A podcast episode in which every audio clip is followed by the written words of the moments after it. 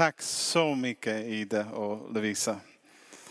Ibland det krävs bara en liten melodi om man kommer ännu närmare Gud än vad man gjorde med massa ord. Eh, jag läser ett bibelord, sen ska vi be också. En enkel vers som eh, jag kommer att predika om ikväll. Och det är taget från Filipperbrevet kapitel 4 och vers 8.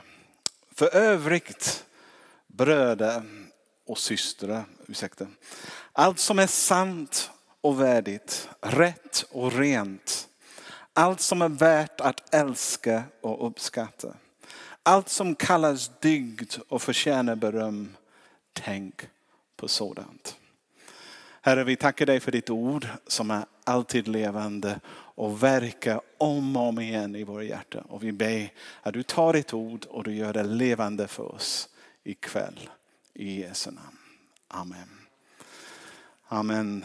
Jättekul att eh, kunna, det är en förmån varenda gång att kunna predika men jag är så glad att se Ulf och Hanneli här idag.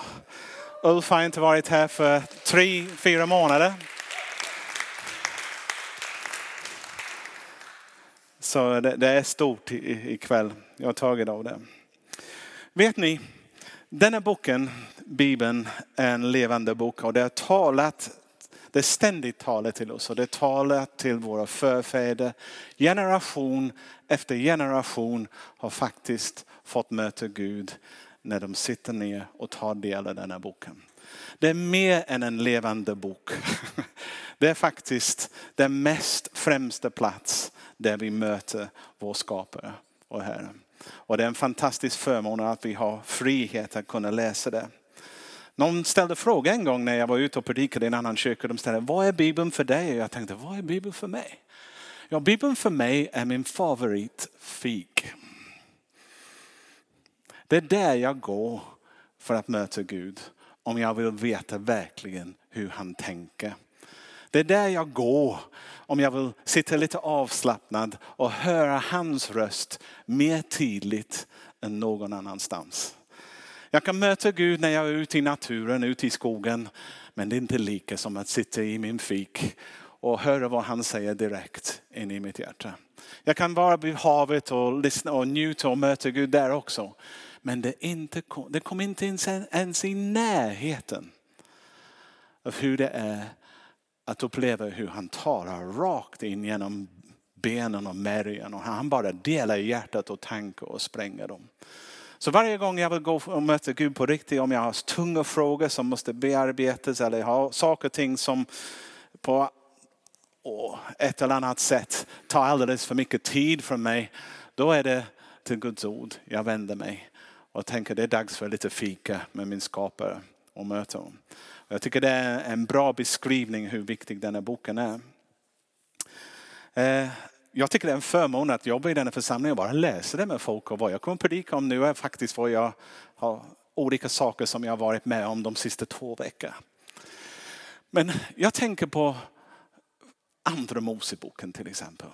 Här finns en jättespännande berättelse. En berättelse om hur Gud griper in och räddar Israel ur en främmande makt. En eh, demonisk faktiskt på många sätt, denna makt också, ockultist eh, makt.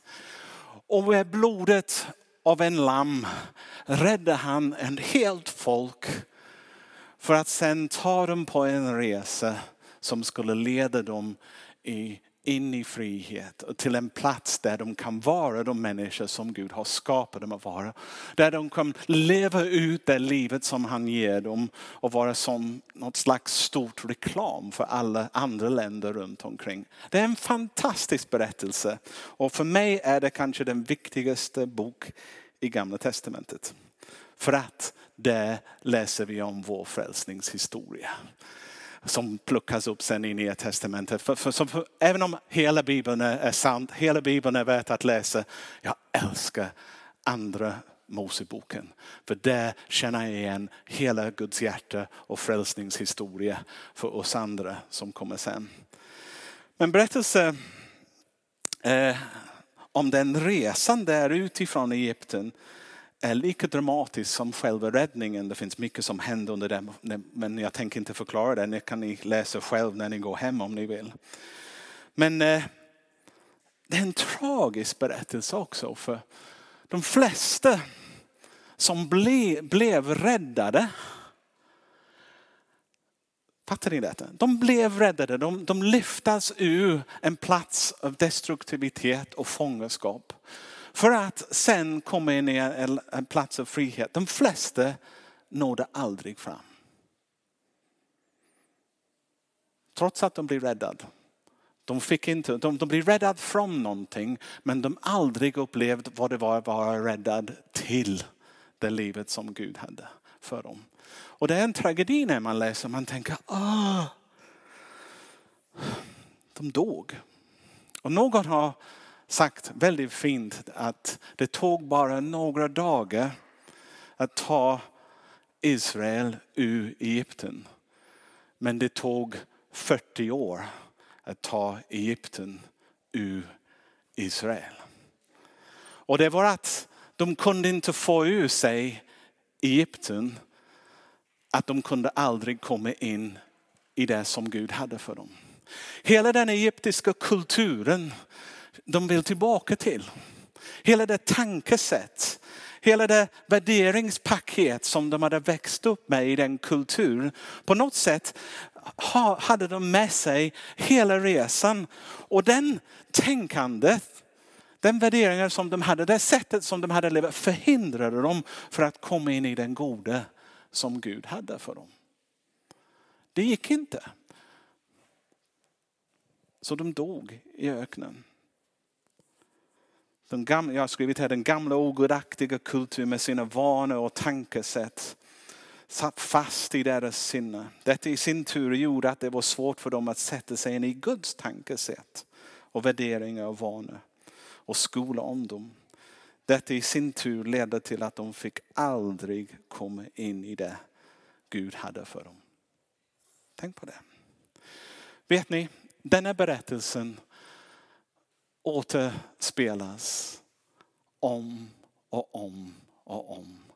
Genom varje generation och även till och med i vår församling. Människa blir räddad med blodet av ett lamm, Jesus. De blir frälst. De tar emot honom som, som deras herre och frälsare.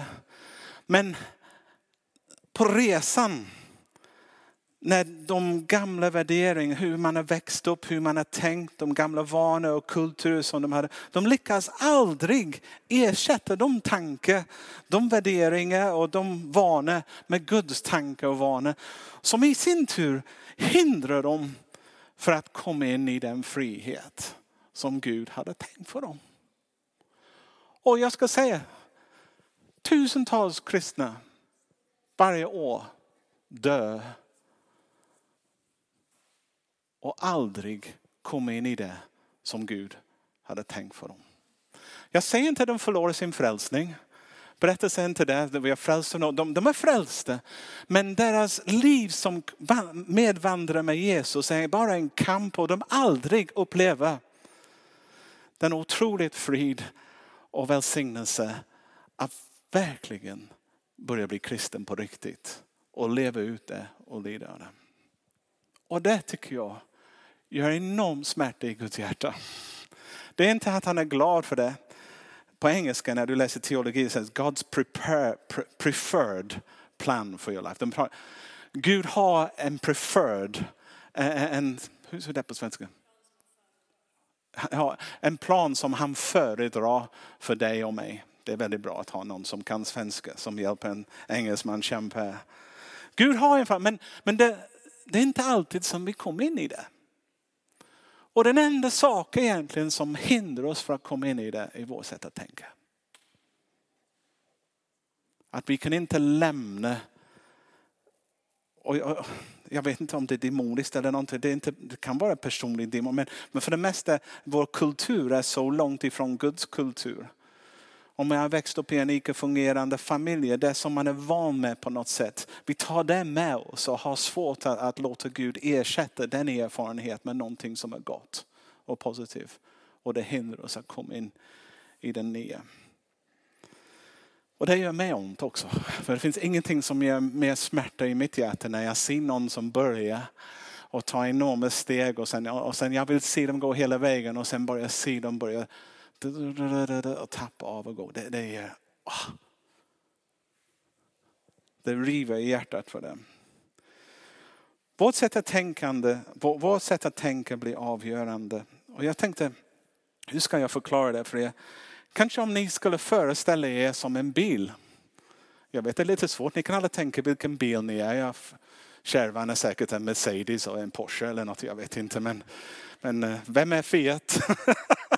jag vet inte. Men bara tänk att ni är en bil för en stund. Eh, ditt liv är en bil. I så fall är ratten dina tankar. Om du vrider ratten mot vänster kommer bilen att köra åt vänster. Om du vrider ratten mot höger, det, då, då ditt liv, du eller jag, vi, vi går åt höger. Så enkelt är det. Där dina tankar går, då följer ditt liv. Och vi har inte råd egentligen att tänka en enda dum tanke. Förresten, jag hörde en bra skämt om en ratt. Det var tre affärsmän som Sverige som åkte till London och de ska åka taxi. Och eh, två stycken slängde sig där bak och denna, den tredje, oh, jag, jag, sitter där fram och han gick in eftersom det var England. Han försökte sitta i knä på taxiförare. För var, och sen han sa, oh, oh I'm terribly sorry. Where I come from the rat sits on the other side. jag tror han fick betala dubbel. oh. Men snälla, vi är korkad, fullständigt korkat om vi tror att vi kan fylla våra tankar med dumhet och inte hamna i dumhet. Fylla våra tankar med våld och inte bli våldsam. Fylla våra tankar med, ah, du vet vad det är. Då kommer vi dit. Jag pratade med en som här i huset i veckan och, och jag hörde något, samma sak som man hör många gånger. Han sa så här. Jag har inte råd att tänka på droger spel eller alkohol. Börjar jag tänka på det, då är det kört. Jag måste sätta i en spärr direkt, annars jag hamnar dit. Och vi pratar lite om konsekvenstänkande. Att vad är det som du ger dig själv när du märker att jag är på någon, en dum väg? Vad är det som jag sätter in för att stoppa mig för att hamna dit? Och jag tänker på det jag ska inte säga, jag, jag ska uttrycka det så här att vi har det svårt att förstå just hur farligt en dålig tanke är. Och vi har inte råd egentligen att tillbringa en enda sekund i den tanken. För då är fara hängande över vårt liv. Samtidigt som pastor jag har många samtal med människor som egentligen, om jag gör min fri tolkning, frågor som de ställer är, hur långt kan jag gå och få för andra vara kristen? Har du haft sådana samtal?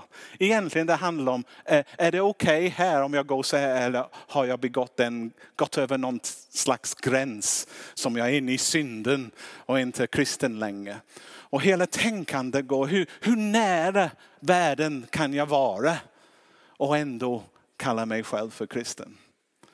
Vet ni, om vi är redan in i den tänkande hur långt ifrån Gud jag kan komma för att vara kristen, då är man redan för långt borta på dödens väg. Det är livsfarligt där du befinner dig. Och om någon kunde ringa en stor, eller en stor röd ljus och blinka och vifta, stopp, stopp, stopp. Ditt liv hänger på en tråd.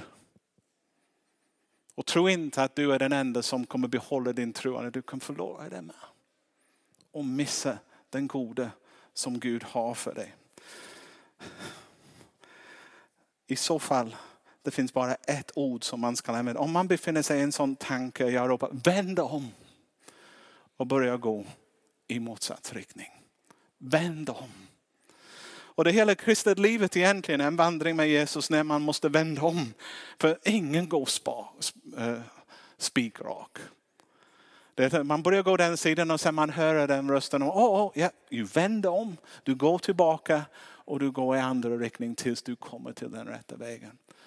Någon som sa, vi var ute och åt, åt hos någon, några kompisar igår kväll och mannen i huset sa till oss, när man jobbar med folk ibland är inte det kristna livet bara om att vända om varje dag.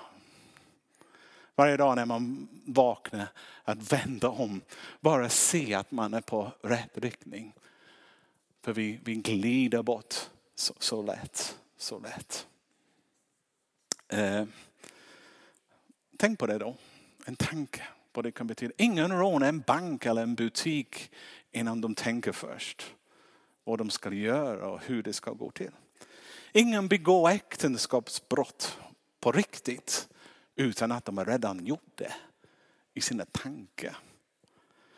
Ingen förtalar en annan människa utan man har redan grubblat över och tänkt hur dåligt de är och funderar på det. Och ingen slutar vandra med Gud utan att de först har tänkt kanske det är dags att ta det lugnt. Ta lite kompromisser, lite vila, lite sånt sådär. De tankar kommer långt innan ditt liv börjar hamna där. Inte långt innan, men då, det är först tankar kommer. Så vad gör vi? Vi styrs alltså av våra tankar. Och när vi blir kristna, när vi tar emot Jesus, han kom in genom den heliga ande i våra liv. Och en av de första uppgifter han har är att göra om här uppe. Så att vi inte följer de gamla motorvägar när vi känner oss lite ängsligt, när vi känner oss lite trött eller lite hängigt eller sånt och vi börjar gå och göra olika saker. Eller de vanliga reflex vi har när någon sårar oss eller säger något dumt eller någonting sådär. Eller han måste göra om de värderingar vad man lever för. Att det inte bara är pengar, prestige eller, eller makt eller ställning i livet. Så att man börjar rikta sig mot, mot bra saker istället. Det är den heliga andes uppgift. Som pastor, när jag själv vårdar människor, en av de vanligaste saker jag säger är, och jag säger också till mig själv många gånger, Andrew, gå inte dit. Gå inte dit i mina tankar. Och ofta folk sitter framför mig och de, de berättar en berättelse och det går om och de berättar om och om. Och jag säger, gå inte dit. Det kom, de gjorde så, gå inte dit. Vad menar du, gå inte dit? Jag måste gå inte Nej, det är döden längs den vägen. Jag har inte råd att, att, att, tänka vissa tankar. Och jag blir så besviken på mig själv ibland när jag ligger i sängen på natten och tänker tankar som inte ger liv, de bara ger död.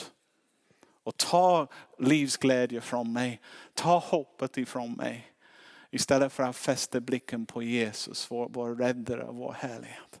Istället för att ta fram min bibel och gå till en fika och öppna det inför honom och säga Gud jag behöver ett ord från dig. Att fastna i självömkan, i, i, i fastna i hemtanke eller att fastna i, i avundsjuka. Ja, det finns mycket som man kan fastna in i huvudet. Varför? Varför? Varför?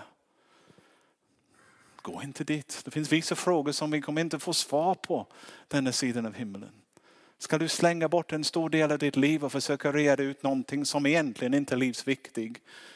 Men det som är livsviktigt är ditt eget relation med Gud, med Jesus. Så du måste veta.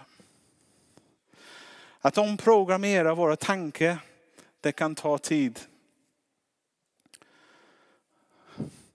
Men vi måste komma dit om vi ska mogna som kristna. Vi kommer aldrig bli stabil. Vi kommer aldrig bli till stor välsignelse för andra tills Guds tankar har börjat bli våra tankar. Till vi började räkna hans sätt att tänka till vårt sätt att tänka.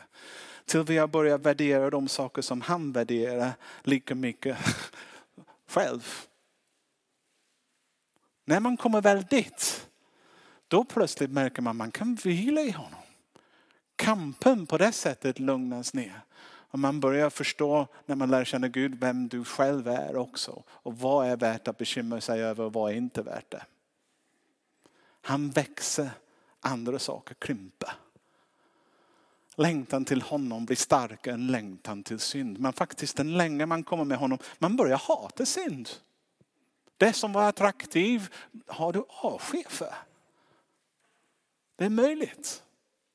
Och det som du frestade på tidigare är inte en frestelse längre. Det kommer nya frestelser istället. Du kommer aldrig bli fri av det. Men du, du lär dig under denna vandring hur man lever ett kristet liv.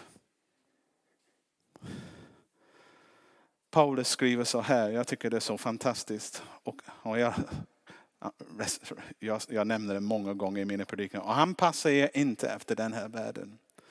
Utan låt er förvandlas genom förnyelse av ert sinne. Så att ni kan pröva vad som Guds vilja. Det som är gott och fullkomligt och behagar honom. När han förvandlar vår sinne, allt är möjligt. Alltså, när vi kan vända kinden mot någon annan som reflex, då är det ett tecken på helgelse. När alla andra är oroliga och ängsliga och går i panik och du litar på Guds förmåga eh, att hålla dig och välsigna dig är starkare än allt annat. Då, då har du fått del av nåd. När andra vill ta hämnd ut för att de har varit illa behandlade och du välsignas som reflex istället. Då är du kanske frälst. Kanske frälsning flyttar på sig lite. När du kan ge istället för bara ta emot, även om du inte har mycket att ge. Då är förmodligen Gud gjort ett stort arbete i ditt hjärta. Och ibland vi, vi kanske inte, jag säger, de här sakerna kommer när, när Guds tankar börjar bli verklighet i våra liv. Och Guds sätt att, att se på saker blir vårt naturligt sätt att leva. Och när vi hänger kvar i den gamla sår och misär som inträffade tidigare i livet. Istället för att vända om, då är vi på dödens väg. Då är vi på väg att missa det. När vi är i oförsoningsstället, när vi vill inte försonas med någon. Vi är på dödens väg. Vi är på väg bort ifrån det livet som Gud vill ge oss. Vi är på väg bort från det livet som Jesus vann på oss på korset. Vi går nerförsbacken istället för uppförsbacken.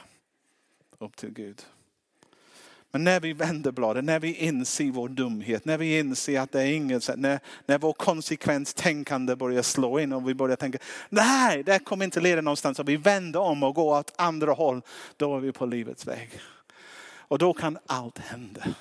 Och då behöver den hemska grej som inträffade där, den misstag eller vad än det var, det har ingen betydelse längre. För min blick är fäst på Jesus.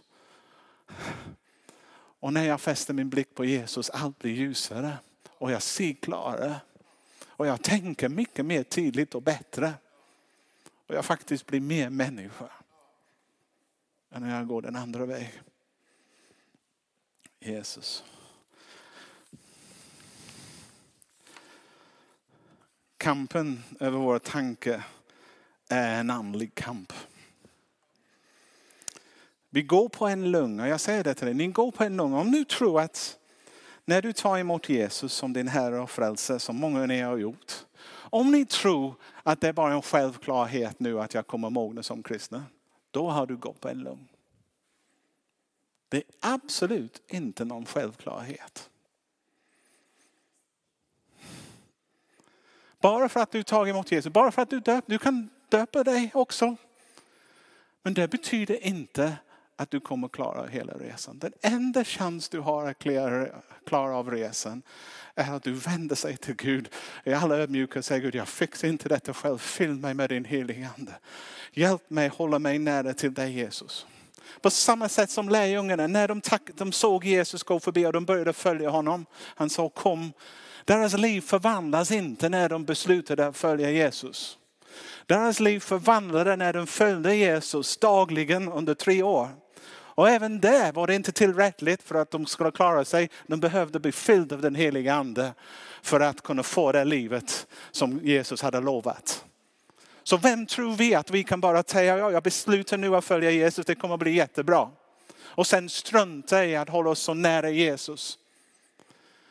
Genom att gå på kompromiss. Och jag undrar, jag predikar för er som sitter nu och redan tänker, hur, kan, hur långt ifrån kan jag gå och fortfarande vara kristen?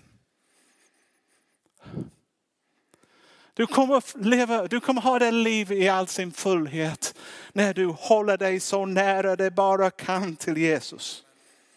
När du försöker leda honom så mycket du bara kan. När du försöker, även om det går emot vad du tänker och gör ont ibland, du säger men Jesus om du vill jag gör det. Då kommer du uppleva livström i dig. Och om du tror att du kan leva kristet liv och komma in i allt i Gud utan den heliga ande, då är du korkad. Fullständigt korkad.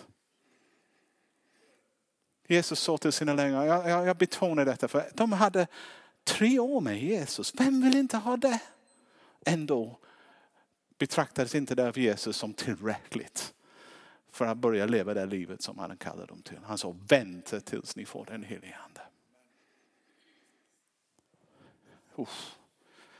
Jesus, Jesus. Jag säger detta för jag tror att alldeles för många kristna vandrar i öknen. De dör innan de kommer in i det som Jesus räddade dem till. Kampen är stenhård och blodig. Fienden använder allt han kan för att få oss för att leva med lite avstånd från honom som kan ge det som vi behöver. Och gör oss till de människor som vi är skapade att vara.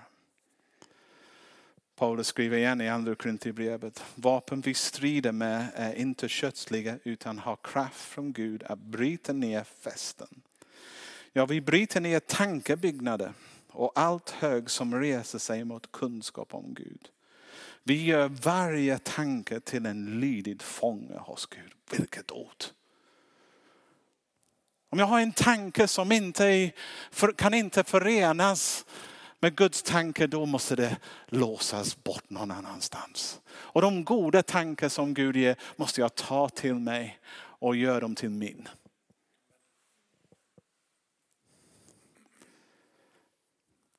Lösningen är inte att vi kämpar lite hårdare, tänker positivt och sen allt kommer lösa sig. Vi måste, måste, jag säger det, överlåta oss till Jesus om och om igen. Vända om, om och om igen. Tills vi är så nära som vi bara kan vara. Det är under tiden vi följer Jesus som vi förvandlas. Det är under tiden som vi reser med honom som han talar in i våra liv. Det är när vi lever livet med allt som livet slänger på oss som vi lär oss att vara kristna. Du lär inte dig på någon kloster ute i öknen egentligen. Du lär dig genom att leva livet med allt som det innebär och hålla dig nära till Jesus. Du aldrig blir mer människa som det. Sen många kristna de lyssnar till saker som folk som inte ens frälste skriver och predikar om. När, när, när Paulus pratar om den beskydd som vi behöver, en av de sakerna är frälsningens hjälm. Och, och, Jesus säger till Nikodemus när han kom mitt i natten, han säger, du kan inte ens se Guds rike.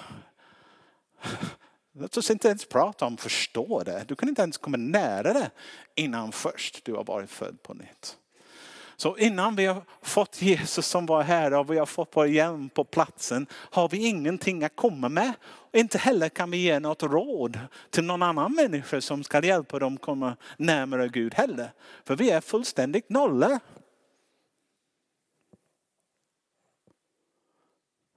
Allt börjar när vi beslutar det är förutsättningen. Att ta emot Jesus. Sen, sen låta hans herrskap inte bara vara hans frälsning. Hans herrskap det betyder hans vilja ska stå över min vilja.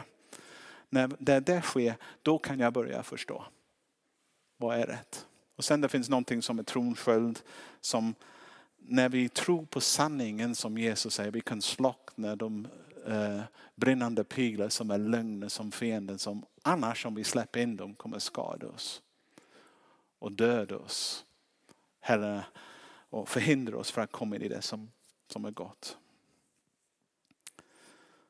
Vad står det, den versen som vi började med? För övrigt bröder, allt som är sant och värdigt, rätt och rent. Allt som är värt att älska och uppskatta. Allt som kallas dygd och förtjänar beröm. Tänk på sådant. Tänk på det. Vet ni, meditation är inte synd. Det är inte nyandlighet. Det beror på vem man mediterar på. Att stanna upp och låta Guds ord gå rakt in i, i inte bara i huvudet men rakt ner in i hjärtat. Kommer ge frukt.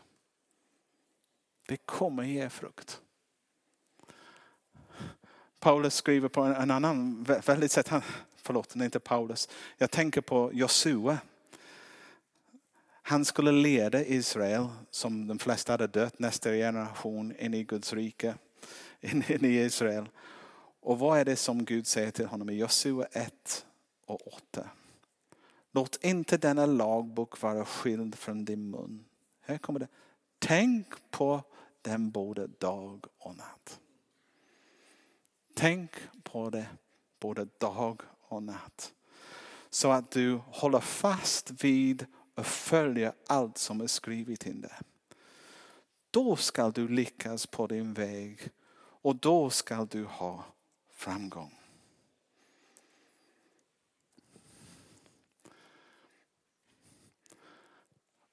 Om du har inte kommit till den plats var du läser Guds ord och tänker på det och möter Gud i det. Det är inte säkert du kommer få det livet som Jesus frälst dig till. Och Jesus vill så mycket att du kommer in i det som han har tänkt på. Han har ingen lust, eh, han har ingen glädje heller när vi missar det som han har för oss. Som jag vill avsluta, jag bara lämna en fråga till er. Hur långt vill du komma? Det är ett beslut som du fattar själv. Kommer du nöja dig med att vara frälst? Och vandra i öknen? Eller vill du komma in i allt som Gud har för dig? Jag vill landa i omvändelse. För jag tror att det är många idag som behöver omvända sig. Man har glidit alldeles för långt bort. Man har hamnat i religiös gemenskap istället för radikalt lärjungaskap. Man hamnar i en subkultur som kallas kristet istället för den överlåtelse att följa Jesus vart han än sänder dig vart och gör det som han säger till dig. Och du kan inte ha det livet du längtar efter om du inte tar den radikalt överlåtelseväg. Vill ni ta det? Det är du som fattar beslut. Men du behöver tänka konsekvenser och det är vad jag lyfter fram idag. Gud säger till mig, gör lite konsekvenstänkande. För jag vet att Gud har lagt i er en längtan. Gud har lagt i er dröm också. Som han vill, han föredrar helst att ni kommer in i. Ingenting annat. Och han har till och med skickat sin heligande för att hjälpa oss dit. Han vet vi har kött och blod. Han vet vi har en benägenhet att falla och, och, och kompromiss. Men han säger öppna upp nu för min heliga ande. Låt det komma, låt det förvandla ditt sinne, låt det förvandla ditt hjärta. Och jag är med och vi kommer ha världens äventyr tillsammans. Amen. Ja.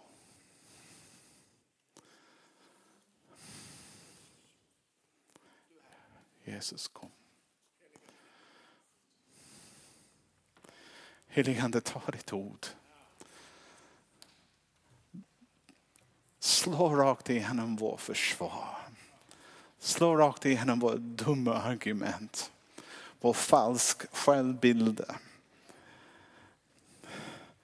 Vår from, falsk fromhet och allt sådär som vi gärna sett på oss och dra oss närmare dig, jag ber. Kom heligande, sätt en eld i oss som kan inte nöja sig med något annat än bara din vilja, jag ber. I Jesu namn. Amen. Amen, amen.